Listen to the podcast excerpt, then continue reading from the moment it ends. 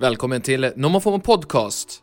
Mitt namn är Niklas Armansson och idag ska jag läsa in en text ifrån mitt nyhetsbrev NomoFomo Insight. Det här är ju alltså nyhetsbrevet som varenda vecka ger dig över 20 trender och fenomen som formar framtiden.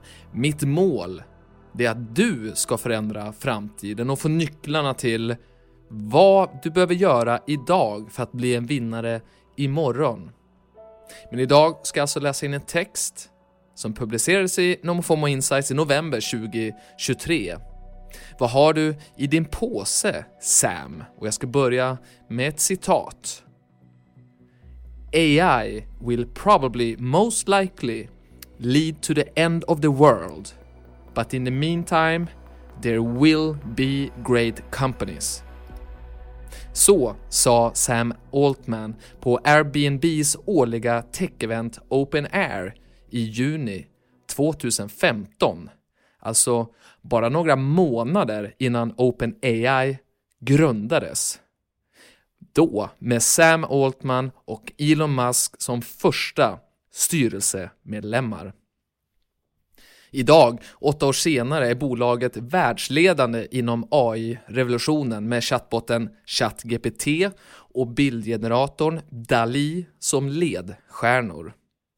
Samtidigt så kritiseras ju Altman, som numera även är VD, ja, han kritiseras ju för att lägga för mycket tid på att tjäna egna pengar på den här nya verkligheten som han själv är med och formar och att han lägger för lite fokus på att säkra mänsklighetens existens. Det var en av anledningarna till att han fick sparken för snart två veckor sedan. Det är vad som sägs och vad vi vet just nu. Men det dröjde bara några dagar innan Altman var tillbaka i förarsätet efter att nästan alla 700 anställda hotat med att lämna OpenAI. Och nu så hade ju även styrelsen sparkats. Självklart så finns en AI-genererad filmtrailer om du vill uppleva det här dramat en gång till. Allt du behöver göra är att gå till YouTube och så söker efter Closed, The Rise and Fall av OpenAI. Men det finns en till förklaring till den här oväntade petningen, vilket det verkligen är ju. Och det är att OpenAI ska ha fått ett genombrott i utvecklingen av AGI, AGI, artificiell generell intelligens. Eller på svenska, när AI kan utföra intelligenskrävande uppgifter lika bra som människor. Enligt Reuters ska medarbetare ha varnat styrelsen för att det nya AI-systemet Q-star, som skrivs Q asterix, ja att Q-star då kan vara ett hot mot mänskligheten. Dagen innan Altman kickades ska han ha uttalat sig positivt om genombrottet i en intervju, vilket blev droppen för styrelsen som premierar säkerhet och ansåg att Altman gick för fort fram i jakten på positionering, pengar och vi vet inte så mycket mer än så.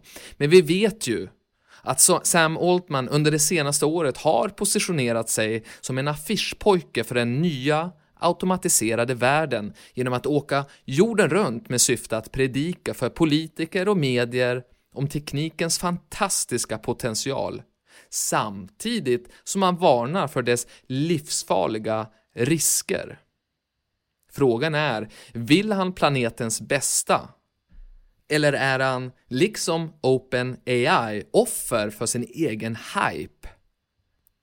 New York Magazines techreporter John Herman jämför Altman med Ubers förre skandal-VD.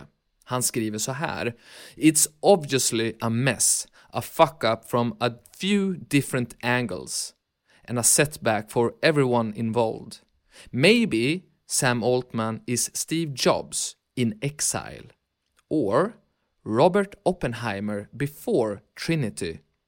But maybe he is Travis Kalanick. Om Altman är den nye Kalanick, då kan den här comebacken vara början på AI-apokalypsen. Det skriver i alla fall tidningen Wired. Kaoset avslöjade sprickorna i OpenAIs bolagsstruktur. Sprickor som Altman nu kommer att täppa igen. Wired skriver “The final shape of the board overseeing Altman is likely to be heavier on tech and lighter on doom. An analyst predict the board and company both are likely to cleave closer to Microsoft, which has pledged 13 billion to OpenAI.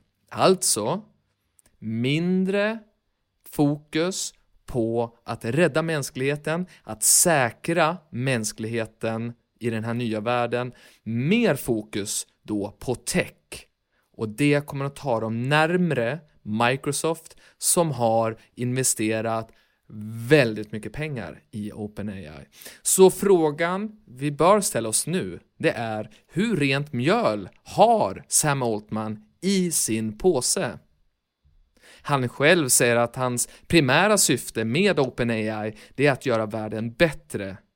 Jag tänkte dela med mig av sex indicier som talar emot hans påstående. För det första, är han en lögnare? Altman får ingen lön och har inga aktier i OpenAI. Men det spekuleras i att han har dolda förmåner och han blev ganska ställd, minst sagt, när han fick frågan av en politiker i våras om han tjänar pengar och hur mycket pengar snarare han tjänar. Den andra saken vi behöver ställa oss är, är Sam Altman girig? Innan OpenAI var Altman VD på Y Combinator men han fick sparken därifrån när han satte sina egna intressen före organisationens. Precis som i fallet med OpenAI. Historien återupprepar sig alltså. Och är han, nummer tre, principlös? Så här har Altmans tidigare mentor Paul Graham beskrivit sin hypersociala adept. You could parachute him into an island full of cannibals and come back in five years and he would be the king. För att lyckas med det så antar jag att Sam Altman hade behövt svika sina egna principer och själv blivit kannibal för att kunna bli kung över kannibalerna. Den, den fjärde punkten, är Sam Altman manipulativ? Han övertygade OpenAIs personal att överge ideella principer och istället följa med honom till kapitalisterna hos Microsoft innan han fick tillbaka sitt VD-jobb. Det är dock inte första gången som han manipulerar sina medarbetare enligt en tidigare OpenAI-anställd som på plattformen X, eller Twitter om du så vill, tidigare har twittrat här den 20 november att eh, han har jobbat med Sam i två år och han var alltid trevlig med honom, men han ljög till honom några gånger och han var dessutom, som han skriver, manipulativ och eh, betedde sig sämre till andra, mot hans närmaste vänner, men inte mot just honom. Den femte indicien på att Sam Altman har orent mjöl i påsen, det är att han kan vara partisk. Altman uppskattas vara värd över 500 miljoner dollar och han har investerat i över 100 företag, många koppling till AI. Somliga av dem har dessutom koppling till OpenAI och gynnas av en offensiv AI-utveckling, vilket i sin tur då kan leda till intressekonflikter i vilka beslut då Altman tar som VD för OpenAI. Den sista punkten, är Sam Altman oetisk? Somliga av hans företag har mött stark kritik och det vet vi att det mest kritiserade är Worldcoin Alltså där människor i framförallt fattigare länder uppmanas att dela med sig av data mot krypto. Vad som är sant, ja det vet vi inte. Det återstår att se här på vilken sida Sam Altman faktiskt står. Han kan ha stått på en sida från början och sen tagit sig över till den andra. Det återstår som sagt att se. Det var allt för den här gången. Tack för att du har lyssnat. Jag hoppas att du har en fantastisk morgon, dag eller kväll var du än är. Så hörs vi snart igen.